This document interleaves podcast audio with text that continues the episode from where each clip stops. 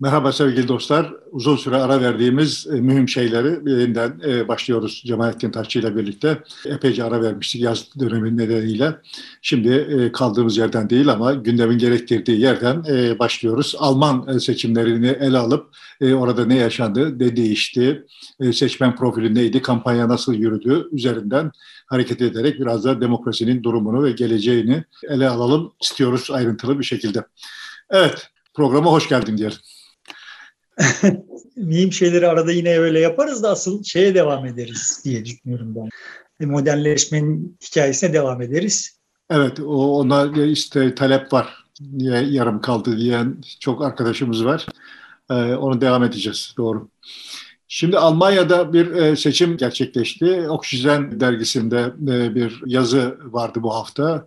Orada kampanyanın e, nasıl yürütüldüğünü, hangi hususların dikkat edildiğini e, söylüyordu. Olaf Scholz'un e, esas itibariyle saygı üzerine yani karşıdakine saygı gösterme ve herkesin katkısına açık olma ve bunu talep etme üzerine bir seçim kampanyası kurduğu söyleniyor. Kendi seçmen tabanına değil merkeze hitap etme iyi öncelediğini ifade ediyor. En önemli şey de senin hep üzerinde durduğun iki seçimi çok incelemişler.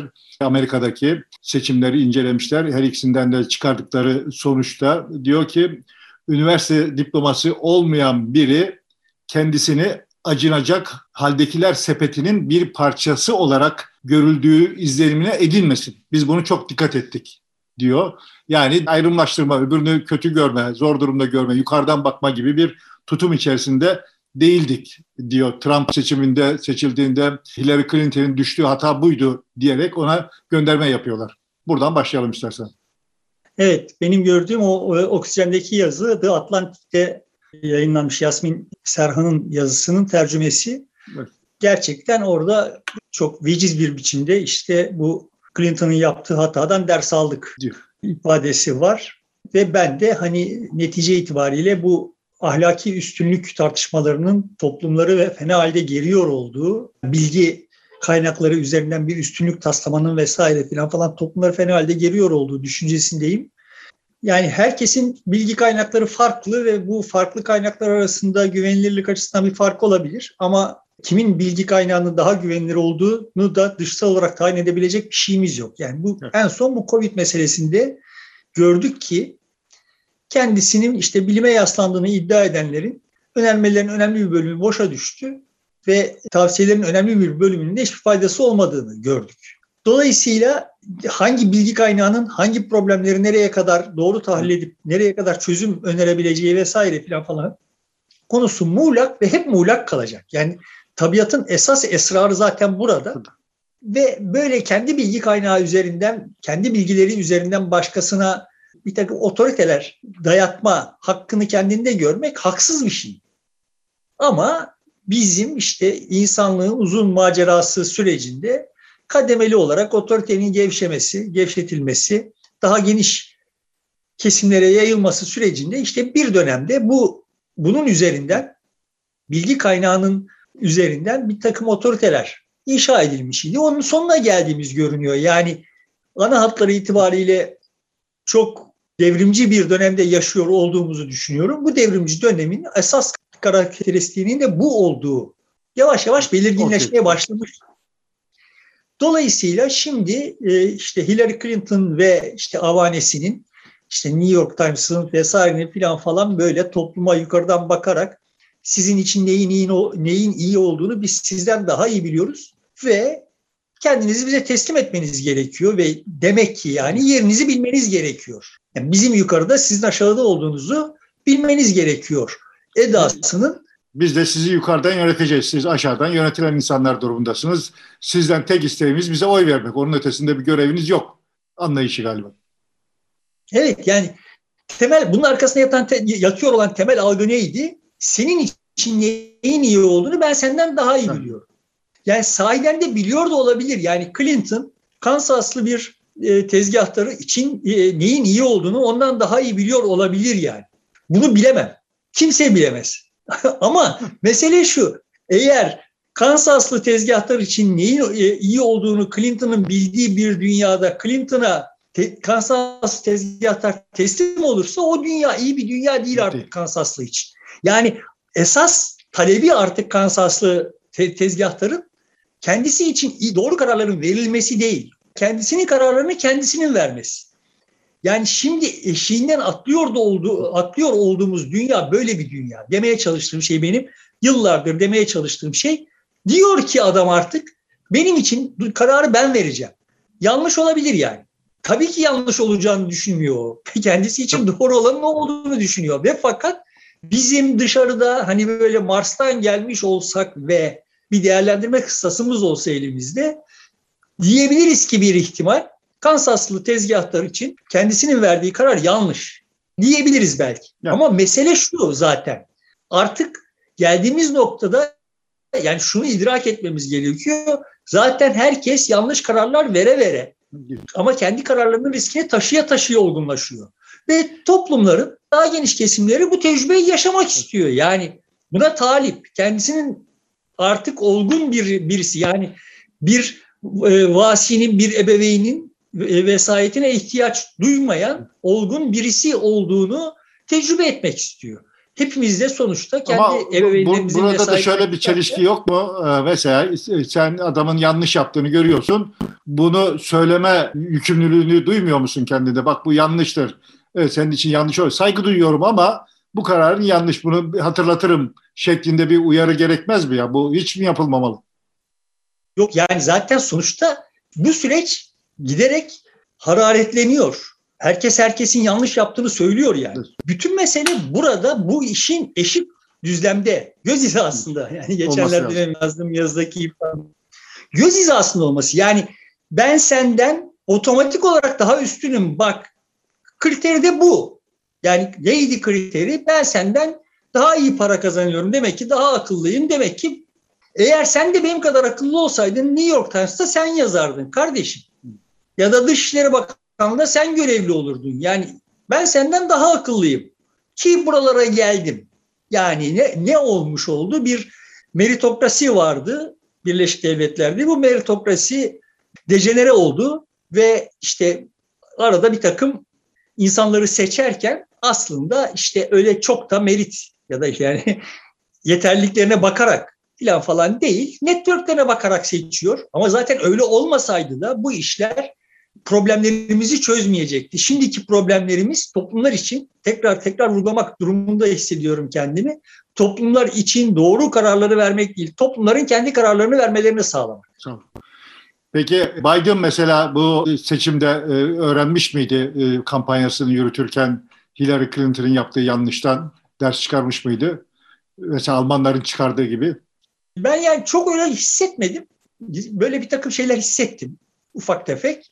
Biden'da hissetmedim de Demokrat Parti'nin kimi eylemlerinde, kimi seçimlerinde vesaire tercihlerinde falan falan hissetmiştim. Bunları da konuşmuştuk seninle zaten ama ben bunu Biden'da hissetmedim ve Biden'da hissetmediğim için de Biden'a hep başından itibaren tereddütle yaklaşıyorum. Yani Biden'a başkaları da tereddütle yaklaştılar başka sebeplerle. Benim tereddütle yaklaşmamın sebebi Biden'ın aksine yani tam da Clinton vari bir adam olmasıydı ve seçildikten sonra da çok Clinton vari ve Trump vari da, davranıyor. Yani şimdi benim kıstaslarıma kıyasla bakıldığında Trump, Clinton vesaire falan falan aynı tarafa düşüyor.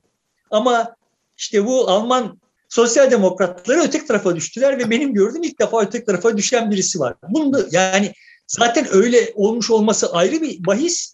Bunu böyle gördük de böyle formüle ettik de o yüzden böyle davrandık demeleri çok anlam taşıyor. Çok vurgulanması gereken bir şey yani. Peki yani, bu, e, bunu görmüş olabilir kampanyayı yönetenler ve lider de buna evet demiş ve birlikte çalışmışlar. Bu anlaşılıyor. Peki e, toplum e, bunu ne kadar yapabildi, uygulayabildi ya da lider bunu ne kadar uygulayabildi? Toplum bundan anladı mı şey? Çünkü çok yüksek bir fark yok arada. Çok az bir şey oldu. Gerçi sosyal demokratların oyu epeyce arttı. Bu doğru ama hani bir büyük bir fark da olmadı ortada büyük bir fark olmadı ama sonuçta nispi olarak bakıldığında Avrupa ile Avrupa'nın kalanı ile mukayese edildiğinde hem 2008 krizini hem Covid'i nispi olarak daha başarılı yönetmiş bir e, ülke Almanya. Yani başarılı bir iktidarı ciddi bir hasar verdi bu seçim yanlış hatırlamıyorsam 16 puan civarında bir şey kaybetti. Büyük bir kayıp. Evet. Yani Almanya ölçeğinde partilerin böyle %50'leri falan falan almadığı bir ölçekte 16 puan ciddi bir kayıp ve işte bunun 8 puanı yeşillere 8 puanı yanlış hatırlamıyorsam. 16 değil galiba. 8,5 bunda 9 bine kaybetti. 36'dan 24'e düştüler. Öyle mi? Evet. Yani ben yanlış hatırlıyor olabilirim şimdi ama yarısını sosyal demokratlar yarısını yeşiller paylaştı kabaca evet. gibi görünüyor. Burada şimdi anlamlı olan şeylerden bir tanesi şu. E, araştırma şirketleri bu çok e, bıçak sırtı seçimin sonuçlarını çok hassas bir biçimde tahmin etti.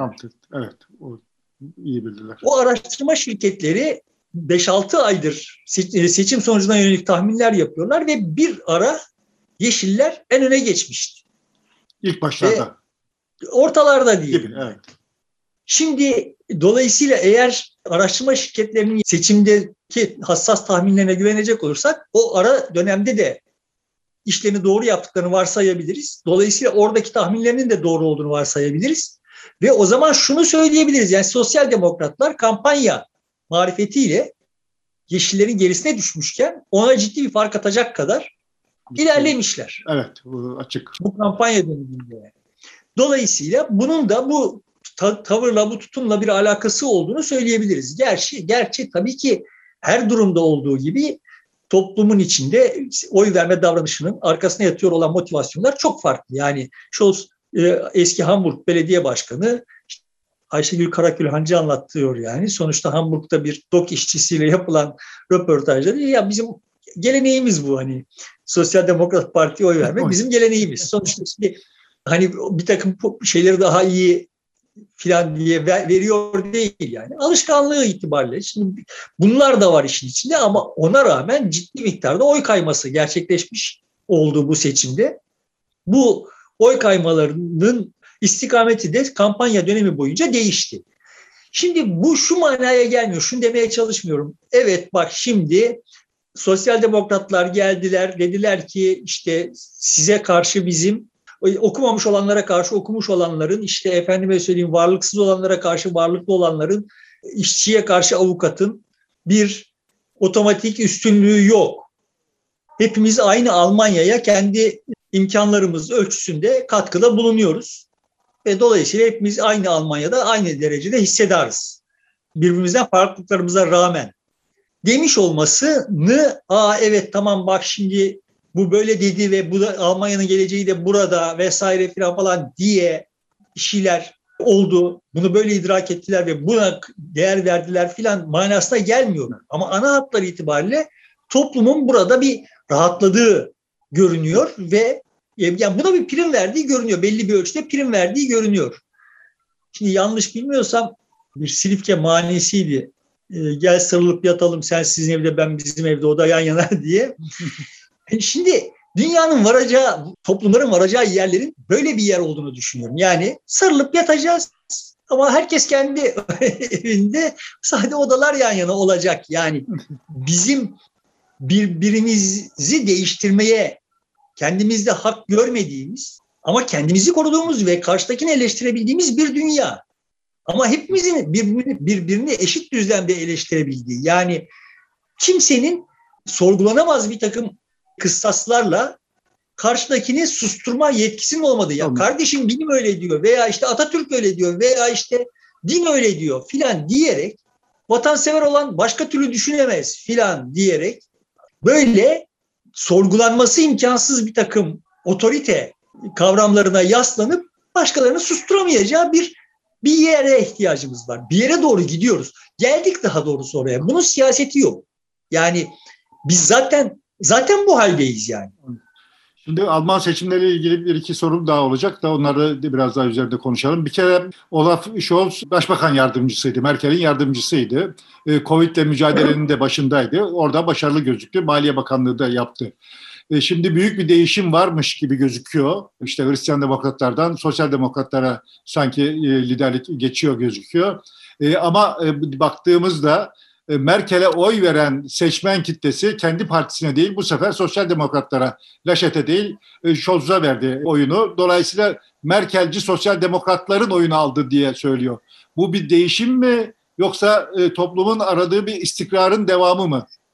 Ya toplumlar tabii ki istikrarı talep ederler. Hele de şimdi böyle çok fırtınalı dönemlerde istikrarı talep ederler. Ama sonuçta sosyal demokratlar Merkel Hristiyan demokratların vaaz ettiği e, yaklaşımın son derece dışında bir takım şeyler de söylediler. Yani işte varlık vergisine kadar varacak olan radikal önerileri de vardı ve işte e, ciddi sol diyebileceğimiz önerileri de vardı. Yeşillerin de zaten bu anlamda çok köklü bir takım değişim talepleri var. Hesapları var ve yani bu denklemin nasıl çözüleceği, nasıl bir koalisyon çıkacağı burada o da çok meçhul hali hazırda. Yani son, son tahlilde sosyal demokratlar koalisyon dışında da kalabilirler. Yani Hristiyan demokratlar, yeşiller ve liberaller. Evet o da öyle bir ihtimal de var. Bu sene e, Almanya'ya Türk işçilerinin gidişinin 60. E, yıl dönümü. Bu sıralarda tam gitmişlerdi. Buraya baktığımızda işte 60. yılda mecliste 18 Türk temsil ediyor. Türkiye kökenli e, vatandaş seçildi Almanya'da. Almanya'nın e, nüfusuna baktığımızda yüzde 26'sı göçmen imiş. E, yüzde 11 küsur e, parlamentoda göçmen temsiliyeti var. Aslında baktığımızda az ama bizim Türkler açısından da epeyce yüksek sayı diyebiliriz 18'i. 3 milyon Türk var orada. Yani tabii şimdi bu yüzde 26 ile yüzde 11'i kıyaslayıp da böyle akıllar gitmek de çok doğru olmaz. Yani bu yüzde 26'nın ne kadarının sisteme e, entegre olabilecek kadar vakti oldu, ne kadar entegre ol, olabildi, ne kadarı hangi yaş grubunda vesaire falan, falan bunları bilmiyoruz. Yani diyelim ki bu nüfusun yüzde 26'sı göçmen ama bu e, nüfus daha doğurgandır, göçmen nüfus ve 18 yaş altındaki nüfus açısından bakıldığında bu yüzde 26 değil de yüzde 45'tir yani mesela. Şimdi onunla ilgili de bir bilgi daha vereyim o zaman. Geçen e, dönemde oluşan parlamentoda seçilenlerin e, yedide biri 40 yaşın altında. Bu defa parlamentoda seçilenlerin e, üçte biri 40 yaşın altında. Yani gençlerin e, temsiliyeti çok daha artmış. Bu enteresan. Yani yani ben Alman Almanlıkla ve Almanlarla ciddi sıkıntılarım vardır. Geçenlerde Merkel hakkında konuşurken aklımda bir örnek vardı vermemiştim onu vereyim de şimdi oradan bağlayayım bağlamaya çalışayım işi. Yanlış yani 20 yıl kadar oldu herhalde bir futbol maçı vardı Almanya'da. Bir ihtimal şimdi tam olarak bilmiyorum bizi niye ilgilendirmişti. Galiba bir Türk takımının maçı vardı ve tribünlerde seyirci yasağı vardı. Seyirci alınmamıştı yani. Ama buna rağmen polis kordonu vardı çok sıkı bir polis kordonu vardı. Her, her maçta olduğu gibi. Hatta her maçta olduğundan daha sıkı bir polis kordonu vardı. Risk eğer seyirci alınsa riski yüksek bir maçtı anladığım kadarıyla. Ve o polisler boş tribünlere yüzleri dönük, sahaya sırtları dönük bir biçimde sıkı biçimde dizilmişler. Bütün maçta öyle durmuşlardı. Erman Toroğlu da işte bunu gösterip bize lan bak işte böyle olmak lazım falan diye e, anlatmıştım ben de ya kardeşim siz deli misiniz? Dedi. Almanlar deli. Yani sonuçta kural var. İşte maç varsa polis gidecek, çevik kuvvet gidecek. E, tamam peki hani maçta seyirci yok ama ya o kural var yani. Peki tamam gitti. Ben şimdi seyirciye dönük olacak ama seyirci yok. Maça dönsünler işte çocuklar maç seyretsinler filan. Yok seyirciye dönük olacak. Sırtlarım sahaya dönük olacak. Şimdi bunu bir marifet gibi anlatıyordu Erman Toroğlu ve Türkiye'de bu işten bunu bir marifet gibi anlatabilecek de milyonlarca insan vardır. Hiçbiri yapmaz bunu. Yani ben oraya Erman Toroğlu'nu polis olarak koysam kuralı çiğner yapmaz ama böyle bunu marifet gibi anlatmayı bir marifet zanneden geniş milyonlar var yani Türkiye'de. Şimdi Almanlık bu ama benim açımdan. Yani en sembolik gösterimi bu. Ya bak kardeşim tamam anladım yani riski yüksek bir maç ve oraya çevik kuvvet yollamışsınız. Kurallarınız var ve kural kitabına baktınız. Olay böyle söylüyor. Tamam. İnisiyatifte kullanamadınız. Yani yazışmalar falan falan zaman aldı. Maçta başlayacak. Gitti çevik kuvvet. Ben işte orada bir tane Allah'ın kulu bir inisiyatif kullanıp da tamam ya polisler sahaya yüzden dönebilirler, maçı seyredebilirler dese lan incileriniz mi dökülecek yani? Yani kuralsa kural tamam yani ama yani şimdi biraz da mantığı olması. Bu, de, bu defa onlar e, polis rolünden seyirci rolüne çıkacak. Onlar bu sefer risk oluşturabilirler. Bak bu bu akılları Türk aklı yani Almanlar kesin böyle bir şey aklı Yani Almanlar Almanlığa bu kadar mazeret bulamazlar yani. bu ancak Türklerin yapabileceği bir şey.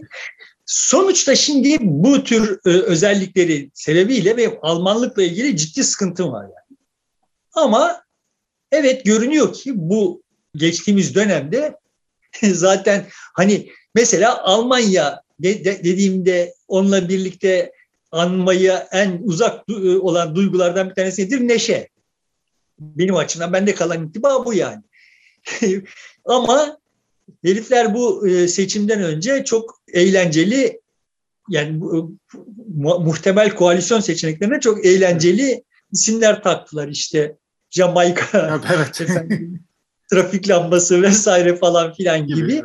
Doğru. E, bayağı bir eğlendiler gibi. Burada şimdi hani Almanlar ve Almanlık değişiyor manası çıkartmak çok e, abartılı olur ama görünüyor olan o ki bir şeye uyum sağlama kabiliyetleri var.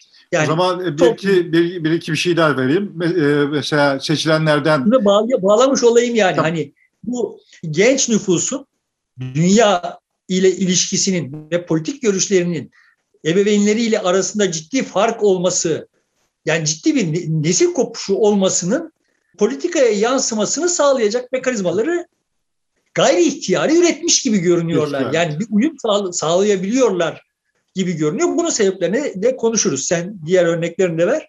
Şimdi e, mesela 23 yaşında en geç parlamenter 23 yaşında ve üniversite öğrencisi. 24 yaşında bir militan bisikletçi var. O da parlamenter seçildi. 29 yaşında Irak'tan 20 yıl önce gelmiş bir e, ailenin çocuğu. E, o da e, parlamentoya seçildi. Bir de 25 altı seçmenlerin oy davranışı var. E, bu da son derece ilginç. Bunların yüzde 23'ü yeşillere veriyor. 25 yaş altı genç seçmenler. Yüzde 22'si de hür demokratlara oy veriyor. Dolayısıyla hür demokratlarla yeşillerin toplamı yüzde 45. SPD'ye yani sosyal demokratları yüzde 14, Hristiyan demokratları da yüzde 10. Onların toplamında 24. Buna karşılık 70 yaş üzeri gruptan Hristiyan demokratların aldığı oy yüzde 39, sosyal demokratların aldığı oy yüzde 34. Evet.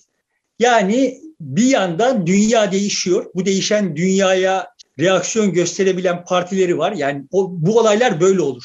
Şöyle olmaz yani. Dünya değişiyor, bütün partiler değişsinler diye olmaz. Bütün partiler değişemezler, uyum sağlayamazlar. Uyum sağlamak böyle bir şey değil. Orada senin eski kur, o kurumsal şeylerin kalır ama yeni bir şeyler doğar. O yeni şeyler bu süreç içinde palazlanırlar. Nasıl palazlanırlar? Değişen dünyada dünyaya doğmuş olanlar onların peşinden gittiği için. Ve burada da görünüyor ki işte o geleneksel olanlar ağır ağır fade out ediyorlar. Bu süreçten derslerini alıp bu önümüzdeki dönemi değerlendirirler, kendilerini gençleştirirler hem fikir olarak hem kadro olarak vesaire ya hayatta kalırlar. Beceremezler, giderler ama sonuçta Alman politikası uyum sağlamış olarak ortada kalır. Temel mesele bu şimdi. Niye Alman politikası uyum sağlayabiliyor da bizimkiler sağlayamıyor, bizimki sağlayamıyor? Şimdi sen olayı yani o Yasmin e, Serhan'ın yazısına e, özetlerken şey yaptı. Yani Scholz işte merkeze yöneldik demiş. Şimdi geçtiğimiz hafta, geçtiğimiz günlerde bu hafta yani o merkezi yönelme şöyle, e, kendi militan tabanlarına seslenmek yerine, seçmen tabanına, onun hoşuna gidecek laflar etmek yerine tam tersi merkezdeki insanlara ulaşabilecek biçimde e, söz söylemeyi tercih etmişler. Evet, şimdi mesela şimdi Ayşe Çavdar e, gazete Duvar'da bir yazı yazıyor ve işte merkez siyasetin tanımını yapmakla siyaseti merkez tayin etmek arasındaki farktan falan falan uzun uzun tahliller yapıyor. Şimdi bunlar lazımdır filan bir itirazım yok yani. Ama bu, bu biz niye bunları tartışmak zorunda kalıyoruz? Almanlar bunları tartışmak zorunda kalmıyorlar. Almanlar seçimden önce nükleer enerjiydi, efendime söyleyeyim çevreydi, iklim kriziydi, doğal gazdı, işte Covid'in yarattığı hasarı topluma nasıl paylaştıracağızdı vesaireleri falan falan tartışıyorlar da biz niye hala işte Kürt Türk merkez neresiydi? Merkez ne kardeşim? Sen mi merkezdesin? Merkezi çöktü mü? Yani şimdi, e, bir de bu tartışmalar çok yoğunlaştı. Türkiye'de merkez çöktü. Zaten çökmüştü işte çöktü filan. Öyle bir şeyler yok. Merkez dediği sosyolojik merkezdir ve sosyolojik merkezin temel ayırt edici özelliği mutedil olmasıdır. Yani sonuçta bir değişim talep eder ama bu değişimin ağır aksak, sindirilebilir bir hızla olmasını talep eder ve temel konuları da işte Türk-Kürt meselesi vesaire falan falan değildir yani. Temel konuları da evet sonuçta benim şehrimin iktisadi şeyi hamleleri nasıl gerçekleşecek? Ben yaşadığım şehirde nasıl daha iyi bir hayat kuracağım vesaire. Ve burada nasıl daha iyi bir statü sahibi olacağım? Çocuğumu nasıl geleceğin dünyasına hazır edebileceğim gibi konulardır yani. Merkez budur ve bunun siyaseti yok Türkiye'de. Ya sen şimdi bu merkezin siyasetinin niye olmuyor olduğunu tartışman tartışmanda bir fayda var.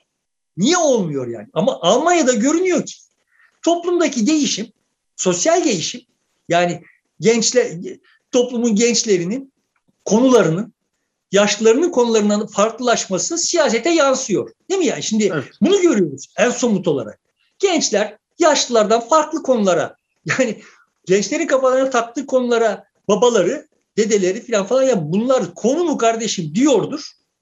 Ama sonuçta onlar onları konuşuyorlar. Siyaset şunu yapmıyor yani. Yani tamam burada gençler bunları konuşuyor ama biz bilge yaşlılarla beraber neyin konuşulması gerektiğini biliyoruz.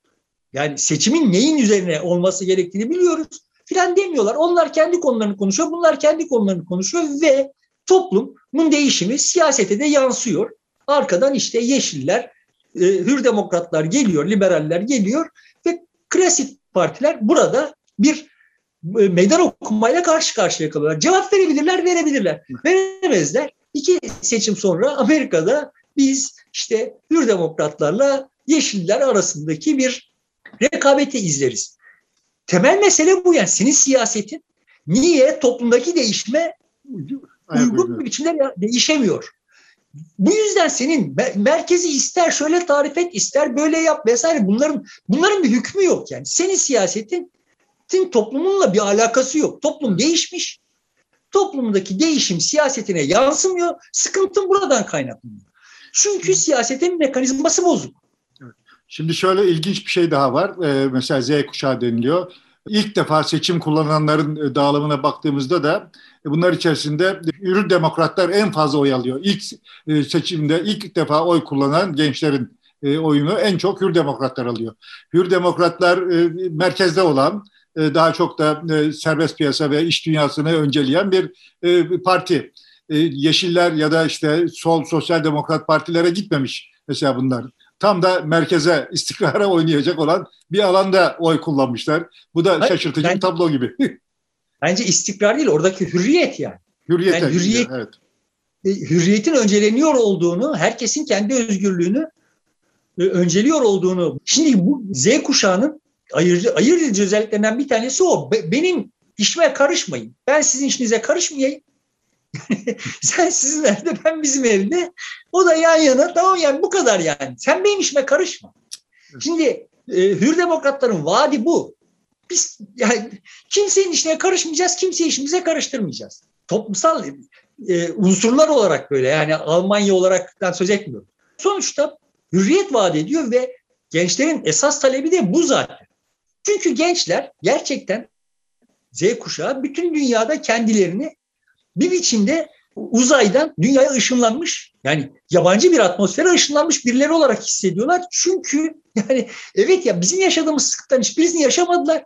O sıkıntılardan üretmiş olduğumuz kavrayış neyse bu kavrayış bu çocuklara hakikaten uzaylı gibi görünüyor. Yani yani sen e, Z kuşağına mensup herhangi bir Türk veya Kürt gencin bir Türk Kürt Türklüğünden övünmesi, bir Kürdün Kürtlüğünden övünmesi veya işte o yüzden ötekini ötekileştirmesini falan falan anlayabiliyor olduğuna dair bir işaret gördün mü? Hiç ilgilenmiyorlar, yan yanalar.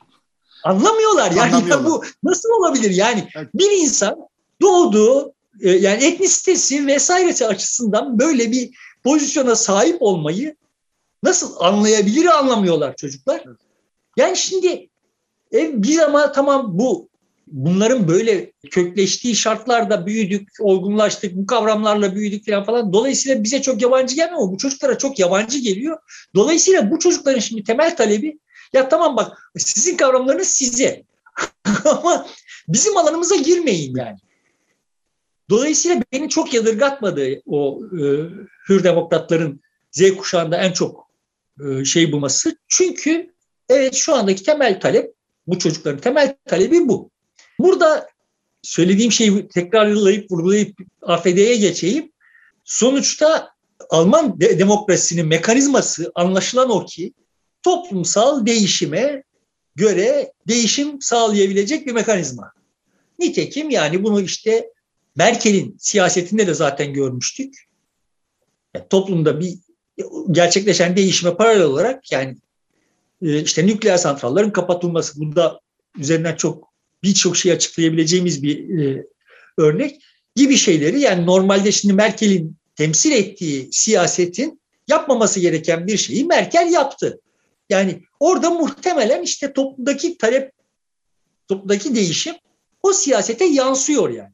Yansıyabiliyor olduğu sürece de ben iddia ediyorum ki, ki korkulacak bir şey yoktur.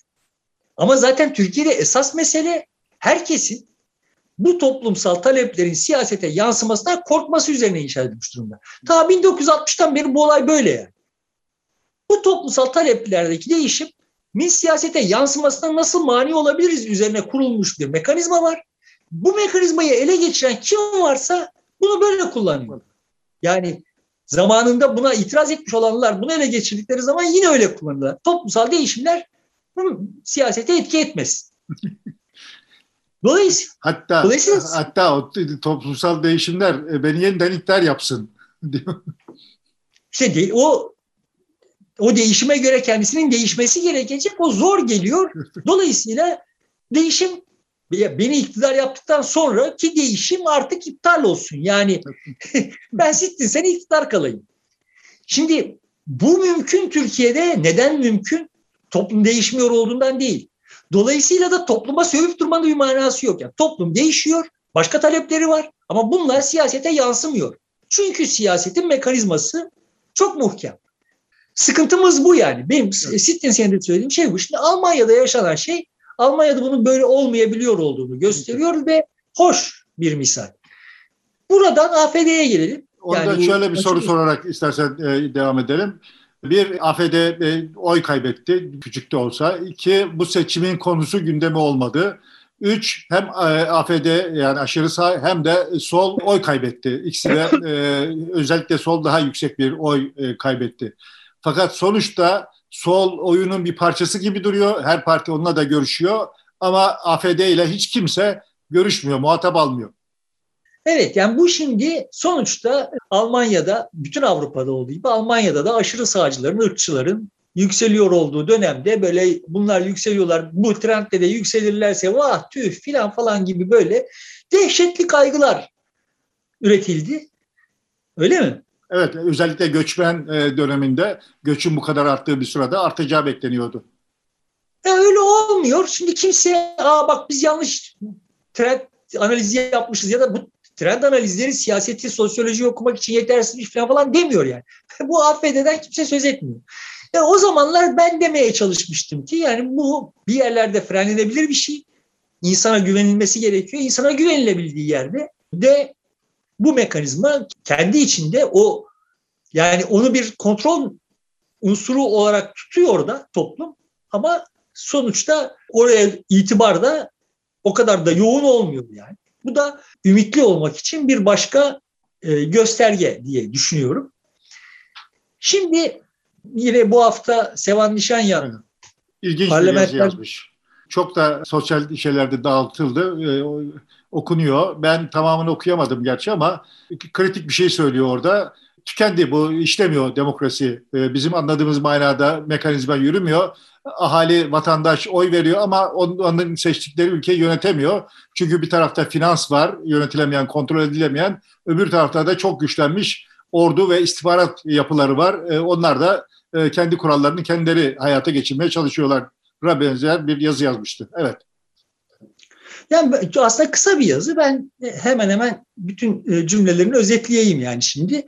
Ama işaret edeyim yani genel bir demokrasi kavramına yönelik değil e, şeyi parlamenter demokrasi diye baştan sınırlayarak konuşuyor. Ya daha daha doğrusu çok partili demokrasi baştan sınırlayarak konuşuyor. Şimdi diyor ki finans zaten yasamanın kontrolünün sınırları dışında uzun süredir.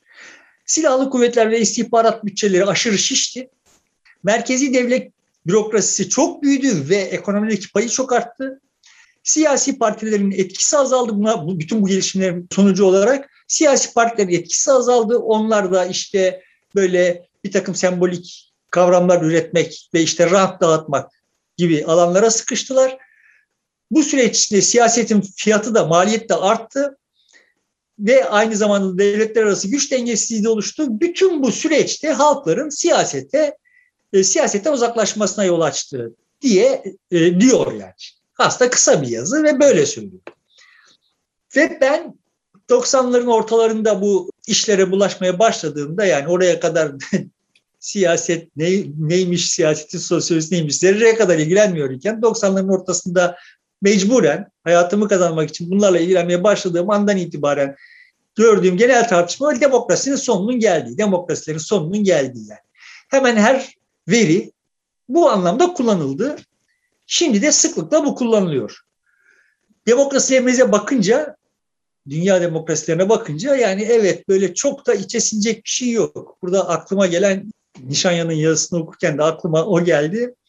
Ee, geleni paylaşayım. Şimdi e, Red doğudan işte uzak batıya bir grup yerleşimci gitmek ister arabalarla. Ama işte Kızılderililerin topraklarından geçeceklerdir. İşte Red Kit'i rehber ve koruyucu olarak tutarlar. Neyse kervan yolda giderken bir Kızılderili kabilesine esir düşer. O arada kervanda da bir tane fotoğrafçı vardır. Fotoğraf yeni icat edilmiş bir şey. Red Kit ilk defa fotoğraf denen şeyi görüyor. Çok etkileniyor filan. İşte Kızılderili kabile reisiyle pazarlık ediyor filan falan. Hani bu şuradan geçeceğiz filan falan bir türlü kabul ettiremiyor. O arada aklına cin bir fikir geliyor. Fotoğrafçıyı çağırıyor. Reis diyor ki bak senin e, suretini işte bir şeye çıkaracağız. Göreceksin yani kendini. Biz büyücüyüz yani. Sonra başına olmayacak şeyler gelir bizimle uğraşırsan. Değilse fotoğrafçıya diyor ki çek bakalım reisin fotoğrafını. Çekiyor fotoğrafçı. Sonra işte karanlık oda niyetine çadıra giriyor. Herkes heyecanla bekliyor. Fotoğraf yanacak mı yanmayacak mı? Çünkü bilmiyoruz yani o dönemi itibariyle teknoloji çok nitel olduğu için fotoğrafın yanma ihtimali de var. Ve herkes heyecanla bekliyor şimdi başarılı olacak mı olmayacak mı deney. Fotoğrafçı çıkıyor suratı bir karış. Böyle herkes eyvah yani fotoğraf yandı ve biz perişan olduk diye kaygılanırken görüyoruz ki fotoğraf tabii reisin fotoğrafı görünüyor da ama fotoğrafçının fotoğrafçılık standartlarına göre işte ışık ayarı bilmem nesi filan falan e, o, o performansta değil yani. Yani iş görüyor mu? Görüyor. Fakat hani böyle fotoğrafçının vitrinine koyacağı kalitede değil yani. Şimdi bu demokrasi tartışmaları bana hep bu şeyi e, çağrıştırıyor. Yani. Böyle ya kardeşim şimdi iş görüyor mu? Bizi bur bir yerden alıp bir yere doğru götürüyor mu? Bak şimdi bu içinde yaşadığımız olağanüstü bir devinim, dönüşüm süreci var ve bu süreçte bizim bizden sonraki gelen nesillerle aramıza olağanüstü bir mesafe girmiş durumda. Dünyayı kavrayış, ilgi alanı vesaire falan falan itibariyle ve ama sonuçta demokrasiler bütün bu süreci Putin'in Rusyası, işte Çin'in e, Çin'i, Kore, Trump'ın Amerika'sı vesaireye kıyasla ya da Macaristan'ın işte Orban'ın Macaristan'ı vesaireye kıyasla demokratik ülkeler bütün bu türbülansı öyle veya böyle atlatabiliyorlar? İş görüyor mu yani? Yani şimdi temelde bu kavrayışa yol açıyor olan şey ne diye çok kafa yordum. Birkaç tane husus var. Birçok var da birkaç tanesini vurgulamak gerekiyor. Birincisi şu. Siyaset siyasi partilerin yaptığı bir iş değil. Siyaset devlet bürokrasisi, e, istihbarat e, birimleri, sermaye kesimleri, medya efendime söyleyeyim işte vesaire falan falan hepimizin hepimizin yaptığı bir şey. Ve biz özellikle bizden sonraki nesiller siyasete ilgileri azalıyor falan falan değil. Sadece sizin siyaset olarak bildiğiniz, bizim siyaset olarak bildiğimiz, sınırladığımız şeye ilgileri azalıyor. Yoksa köpek hakları için, hayvan hakları için bilmem nerede en başta onlar var. Ya da işte LGBTİ'nin bilmem nesinde en başta var. Yani aktifler, her şeye ilgililer. Her şeye ilgililer. Her şeye derken buna işte laik, dindar, Kürt, Türk meselesi falan falan girmiyor. Ama onun dışında Kadıköy'ün e, mimarisine de efendime söyleyeyim işte Kanal İstanbul'a da ilgililer yani. Anlatabiliyor muyum derdimi bilmiyorum. Yani sonuçta siyasetin işi bu. Bunların hepsi politik, bunların hepsi siyasetin işi. Senin ülkende ve işte bir takım ülkelerde siyaset bütün buralardan çıkarılıp, bütün bu hususlardan çıkarılıp dandik bir şeye sokulmuş. Ondan sonra da o çalışmıyor. Çalışmadığına yola çıkarak demokrasinin sonunu getiriyorsun.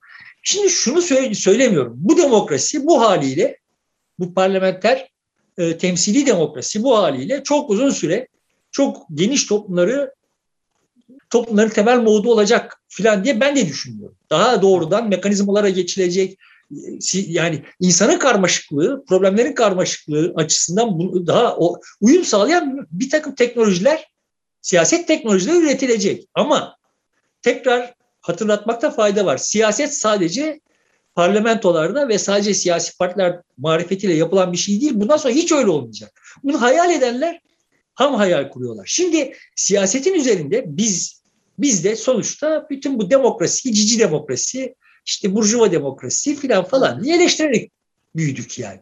Yani neydi bizim kafamızdaki o işte bizim çekmek istediğimiz fotoğrafla mukayese edildiğinde o çıkan fotoğraf çok flu, işte lekeli filan falan bir şeydi.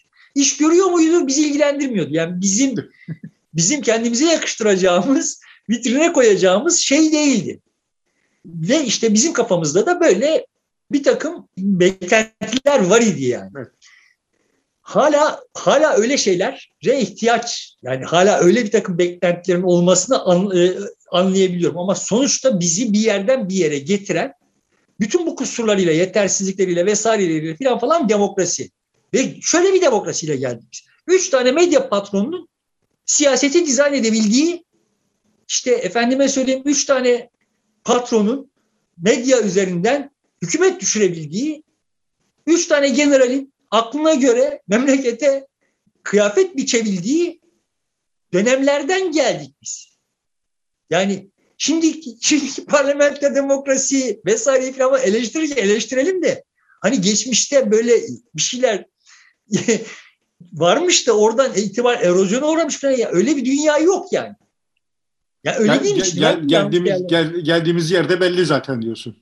Yani şu ha, anda ben yanlış tabii. değerlendirdim? Yani şimdi sonuçta bugün de evet parlamenter demokrasi sayısı deposu var ama orada üç tane medya patronu hakikaten sistemi sarsabilecek güce sahiptiler. Değil mi? Değiller mi? Şimdi var mı onun muadili? Mesela Cem Küçük, Cem Küçük çıkıyor diyor ki yani ya siz gidin Halk TV'ye falan çıkın diyor AKP milletvekilleri. Çünkü bizim yaptığımız medya artık etkisini kaybetti diyor. Yani şimdi aslında Halk TV de etkisini kaybediyor. Çünkü o da işte anladığım kadarıyla durmadan Kılıçdaroğlu'na bağlanıyor yayını evet. kesip. Ama sonuçta işte YouTube'da bilmem yüz binler yüz binler izleniyor olan bir yığın insan var yani. Giderek de artıyor sayıları. Onları da herkes etkiliyor. Etkisi daha da çoğaldı ve tek merkezin dediğin gibi çok fazla etkisi yok. Ama şimdiki aksaklıkları görenler diyor ki bu çok problemli. Şimdi de bütün güç tek kişide, tek merkezde toplandı. Bunlar, buna da itiraz etmemiz gerekir deyip buradan şikayetleniyor doğal olarak. Ya bizim mevcut sistemimiz itibariyle ya mevcut şartlarımız zaten demokrasi değil yani. Bu benim açımdan demokrasi de değil. Ama hani genel olarak demokrasi hakkında ahkam keserken şimdi sadece Türkiye'de üç tane medya patronu istediğini yapabiliyor değildi ki yani Amerika'da da New York Times, Washington Post vesaire falan üç beş tane. Robert Redford'un oynadığı Akbaba'nın Üç Günü diye bir şey vardı. Washington Post'un önünde istihbarat örgütünü ihbar etmeyip ve tehdit ettiğini diyor ki yani Sonuçta ne olacak ki Amerikalılar eğer arabalarına benzin bulamayacaklarsa işte Amerikalıların arabalarına benzin bulabilecekleri şartlar vesaire falan falanlardan geldik biz buraya. Yani o Washington Post'u bir tehdit yani Washington Post o zaten şeyi yayınlayamaz çünkü vesaire falan falanlar var idi. Şimdi de bunlar vardır ama etkileri azaldı yani. Dolayısıyla biz olumsuz bir istikamette yol almıyoruz. Evet yani sonuç bizim bildiğimiz sütunlar peyderpey yıkılıyorlar ve bu çatı tepemize yıkılacak diye korkuyoruz. Anlıyorum yani. Ama bugünün demokrasisi dünün demokrasisinden daha kötü filan gibi bir kanaate katılmıyor. Şunu e, şöyle işaretlemekte fayda olduğunu düşünüyorum. Yani sarsıntılı bir yolda yol alıyoruz ve bu yolun sonunda daha iyi demokrasilere ulaşacağımızın garantisi yok. Yani demokrasilerimiz değişiyor. Şimdi Almanya örneğinde olumlu taraflarını gördük. Başka yerlerde olumsuz taraflarını da görüyoruz vesaire. Demokrasilerimiz değişiyor. Toplumların siyasi süreçlere katılmasının araçları çeşitleniyor, mekanizmaları karmaşıklaşıyor vesaire. Birçok şey oluyor. Demokrasilerimiz değişiyor. Şimdi bunu yap, bu olurken de böyle arabamız sarsılıyor yani. Yol yol kötü yani. Buna itirazım yok. İlaveten bu yolun sonunda daha iyi bir demokrasiye geçeceğimizin garantisi de yok. Ve fakat daha iyi bir demokrasiye giden yol bu yol. Eğer daha iyi bir demokrasiye varacaksak orayı böyle sarsıntısız, asfalt bir yoldan falan, falan ulaşmanın yolu yok. Çünkü dünyanın yolları hep böyleydiler, hep böyle kalacaklar. Hep belirsizlik içinde, türbülans içinde mevcuda bir çare ararken, sarsılırken bunları geliş, geliştireceğiz. Yani öyle daha iyi bir demokrasi gökten zembille inmeyecek. Onu biz yapacağız. Ve benim gördüğüm kadarıyla sonuçta gençler, Z kuşağı daha iyi bir demokrasiyi hem talep ediyorlar. Yani daha iyi bir demokrasiden benim kastım ne? Kendi kararlarına daha çok katılabildikleri bir demokrasi ve başkalarını da aşağılamadıkları. Kimsenin kimseyi aşağılayamadığı, kimsenin kimseye bir takım böyle kerameti kendinden menkul referanslarla hükmedemediği bir demokrasi, bir toplum yani. Şimdi bu toplumun siyasi düzeni olarak demokrasiden söz ediyorum. Yoksa böyle işte orada bir takım kararlar verilecek. Bu kararların verilmesine indirgendiğin zaman şeyi demokrasi yani bu bu çok yani ikinci defa da bu yani. Sanki böyle hani orada parlamentolar var, yasama var, işte şu kararları verecek problemler. Öyle bir dünya değil bu dünya, içinde yaşadığımız dünya. Nükleer santrallarla ilgili bir karar vereceğiz. Bu verdiğimiz karar şu kadar başımızı ağrıtacak, şu kadar üş, üşüyeceğiz. Şu tatmini sağlayacak bize vesaire. Bu nükleer santraller meselesi şık bir misal olarak kullanabilirim. Evet, yani Almanya'da nükleer santralleri kapattı şey Merkel. Japonya'da ki santralin başına gelenlerden sonra ürktü ve nükleer santralleri kapattı. Şimdi biz de nükleer santral açıyoruz. Ve Türkiye'de nükleer santral yapılsın mı yapılmasın mı diye herhangi bir tartışma doğru dürüst yapılmadı. Yapılmasının imkanı mü, mümkün olduğuna dair de bir işaret yok. Yani. Çünkü tablo şöyle bir şey. Nükleer santral yapılsın diyen kimseler varsa onlar zaten seslerini duymuyoruz. Nükleer santralle karşı olanların da kimseyle tartışmak gibi niyetleri yok. Yani onlar tartmışlar, tartıyı biliyorlar, tartışacak bir şey yok yani. Net olarak sen nükleer santralle ilgili olumlu da olabileceğine dair bir şey söyleyecek olursan ha işte şimdi ya terörist diye bir şey oluyorsun ya iktidar için. O bunlar için de orada işte bilmem ne oluyorsun. Konuşulmaya değecek birisi değilsin filan falan. Ama bu topluma sorulsa yani toplumun bunu değerlendirebilecek. Almanya'da Merkel topluma sorsaydı ortalama sıradan bir Almanın Münih'teki bir işte dönercinin nükleer santralin faydası ne, maliyeti ne bunu ölçebilecek bir şeyi var mı? Yok. Ama bir, bir rey belirtecek. Bu reyi neye yaslanarak belirtecek? Etrafına bakacak. Nükleer santralin yanında kimler var? Karşısında kimler var? Eğer nükleer santralin karşısındakilerden nefret ediyorsa yanındakilerin yanında yer alacak. Yanındakilerden nefret ediyorsa karşısındakinin yanında yer alacak. Bu net toplamda pozitif bir sonuç doğuruyor kardeşim yani. Net toplamda buradan bir pozitif sonuç çıkıyor. Biz birbirimize göre pozisyon alıyoruz. İşulara göre, konulara göre pozisyon alamayız. Hiçbirimiz bütün konuları bilemeyiz yani. İzmir'in şehir planını da e, Körfez'in nasıl temizleneceğini de işte e, bir Boğaz Köprüsü daha yapılıp yapılmayacağını da nükleer santralın yapılıp yapılmayacağını da bilemeyiz. Yani. Hiçbirimiz bilemeyiz. Birisini biliyor olsak o bildiğimize de çok güvenemeyiz yani. Bunlar mutabakatla daha doğrusu müzakere ile çözülebildiği ölçüde ortaya çıkan kararın arkasında durur, dururuz. Bizim de hissemiz olduğunu hissediyor isek ve bu önemlidir. İkincisi bunlar müzakereyle ortaya çıkıyor ise bu süreçte bir şeyler öğreniriz. Benim bildiğim kadarıyla nükleer santraller kömür santrallerine vesaireye kıyasla daha temiz, daha güvenilir, daha ucuz enerji sağlıyor. Ve enerjiye de ihtiyacımız var. Öyle biliyoruz. Her ne kadar şimdi biz gençken karanlık gezdiriliyordu. Çünkü o kadar azdı enerji evet. yetmiyordu yani. Sanayide fabrikalar kapanıyordu. Dur, duruyordu yani. Şimdi her yer ışıl ışıl. Karanlık gezdirmeye falan gerek kalmıyor. Dolayısıyla o kadar kıtlığı yokmuş gibi görünüyor bu süreçte bu iş nasıl gerçekleşti? Büyük ölçüde dünyada nükleer santrallerle gerçekleşti. Dünyadaki e, elektrik üretiminde önemli bir pay sahibi oldu nükleer santraller. Ama şimdi nükleer santraller e, e, teorik olarak tamamen teorik olarak eğer doğru kurulmuş, doğru işletiliyor ise her şey beklendiği gibi gelişirse yani. Bilinen teknolojiler içinde en ucuza en temiz enerjiyi sağlıyor. Nükleer atıkları pahasına. Sorun şu. Bir tek aksili, aksiliğin yol açabileceği hasarın büyüklüğü olağanüstü. Yani sen şimdi kömür santralleriyle aynı elektriği ürettiği zaman daha pahalıya ve daha kirli üretiyorsan o kirlilik zamana yayılmış bir şey.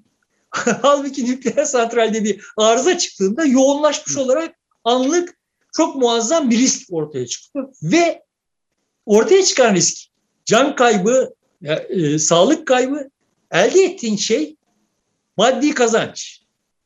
Maliyet düşüklüğü yani. Ya bunlar birbirine mukayese edilebilir şeyler değil.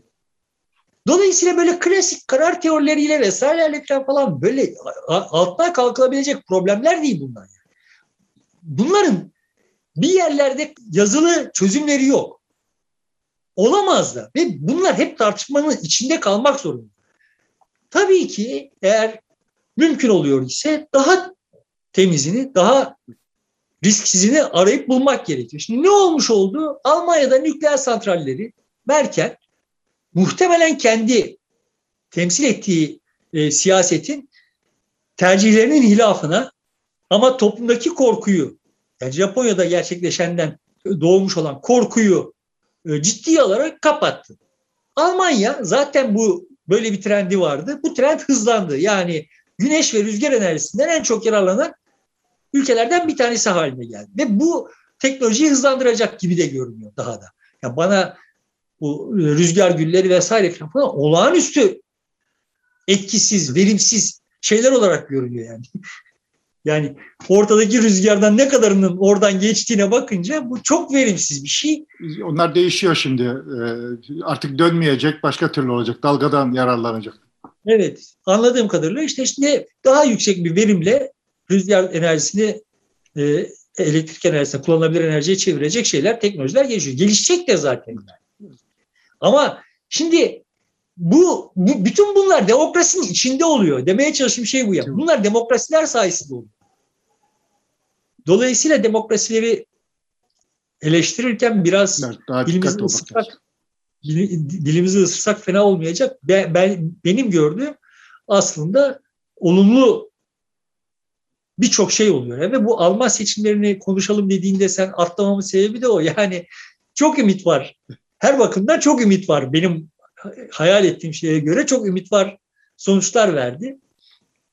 Yani genel değerlendirme Merkel gitti, Almanya lidersiz kaldı. E, o kadar etkili olmayacak Avrupa'da filan deniliyordu. Halbuki Alman seçimleri bize başka bir şey söylüyor. Yani e, tabii ki Merkel gidip Almanya'nın etkisi azalabilir. Bunun da muhtelif sonuçları olur. Almanya için iyi sonuçları da olur, kötü sonuçları da olur. Dünya için, Avrupa için öyle olur. Onları bilmem. Ama sonuçta şimdi Almanya gibi bir yerde yıllardır kurulduğundan bu yana işte 90 yıl mı olmuş? O kadar olmamıştır. 70 yıl mı olmuş? Bu e, Hristiyan Demokrat Birlik 70 yılın 50 evet. yılında Almanya'yı yönetmiş. Sonuçta çok da başarılı sayılabilecek en azından herhangi bir skandalla sebep olmadan atlattığı bir kriz döneminin arkasından seçim kaybediyor ya, ve sol seçim kazanıyor. Şimdi nasıl bir sol seçim kazanıyor? Nasıl bir e, sağı yeniyor? Ve bunu nasıl yapıyor? Üzerinden demokrasinin geleceği hakkında yani Almanya'nın vesaire demokrasinin geleceği hakkında söylenebilecek çok şey olduğunu hissetmiş idim. Yani yoksa hani solu çok tuttuğundan, sağı çok tuttuğundan vesaireden falan falan ya da Merkel'e çok saygı duyduğundan falan değil. Dediğim gibi hani Almanlıkla zaten hep bir e, şeyim var ama Şimdi onlar da zaten 16 yıl Helmut Kohl şansölye olarak görev yaptı. 16 yılda Merkel yaptı. 32 yıl. Arada bir 4 yıllık bir sosyal demokrat parti dönemi var.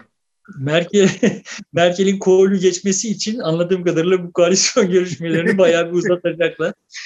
Şimdi burası da mesela ibretlik yani. Bizde şimdi olsa vay niye koalisyon hemen kurmuyorsunuz falan falan gibi tantanalar başlar. Halbuki yani işte şimdi daha seçimden öncesinden başlayarak bu koalisyon görüşmeleri Noel'i geçer. Önümüzdeki evet. yıla kalır.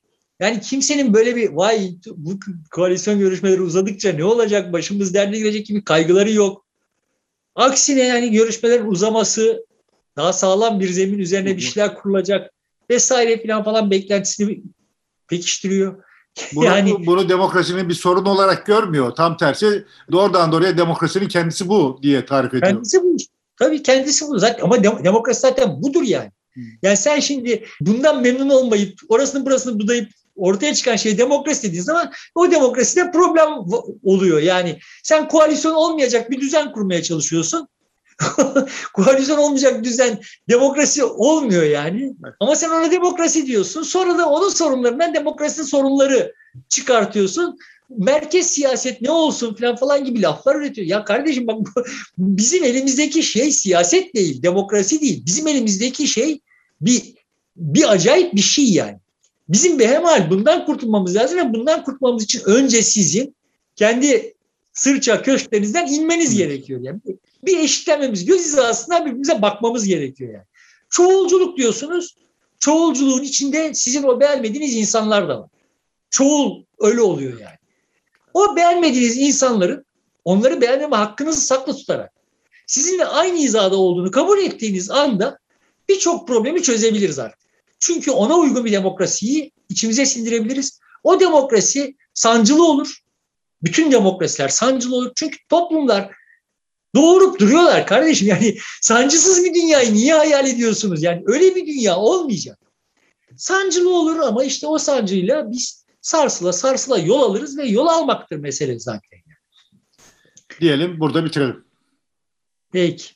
Evet. Peki sevgili dostlar burada bitiriyoruz mühim şeyleri. Haftaya bakışta yeniden karşınızda olacağız.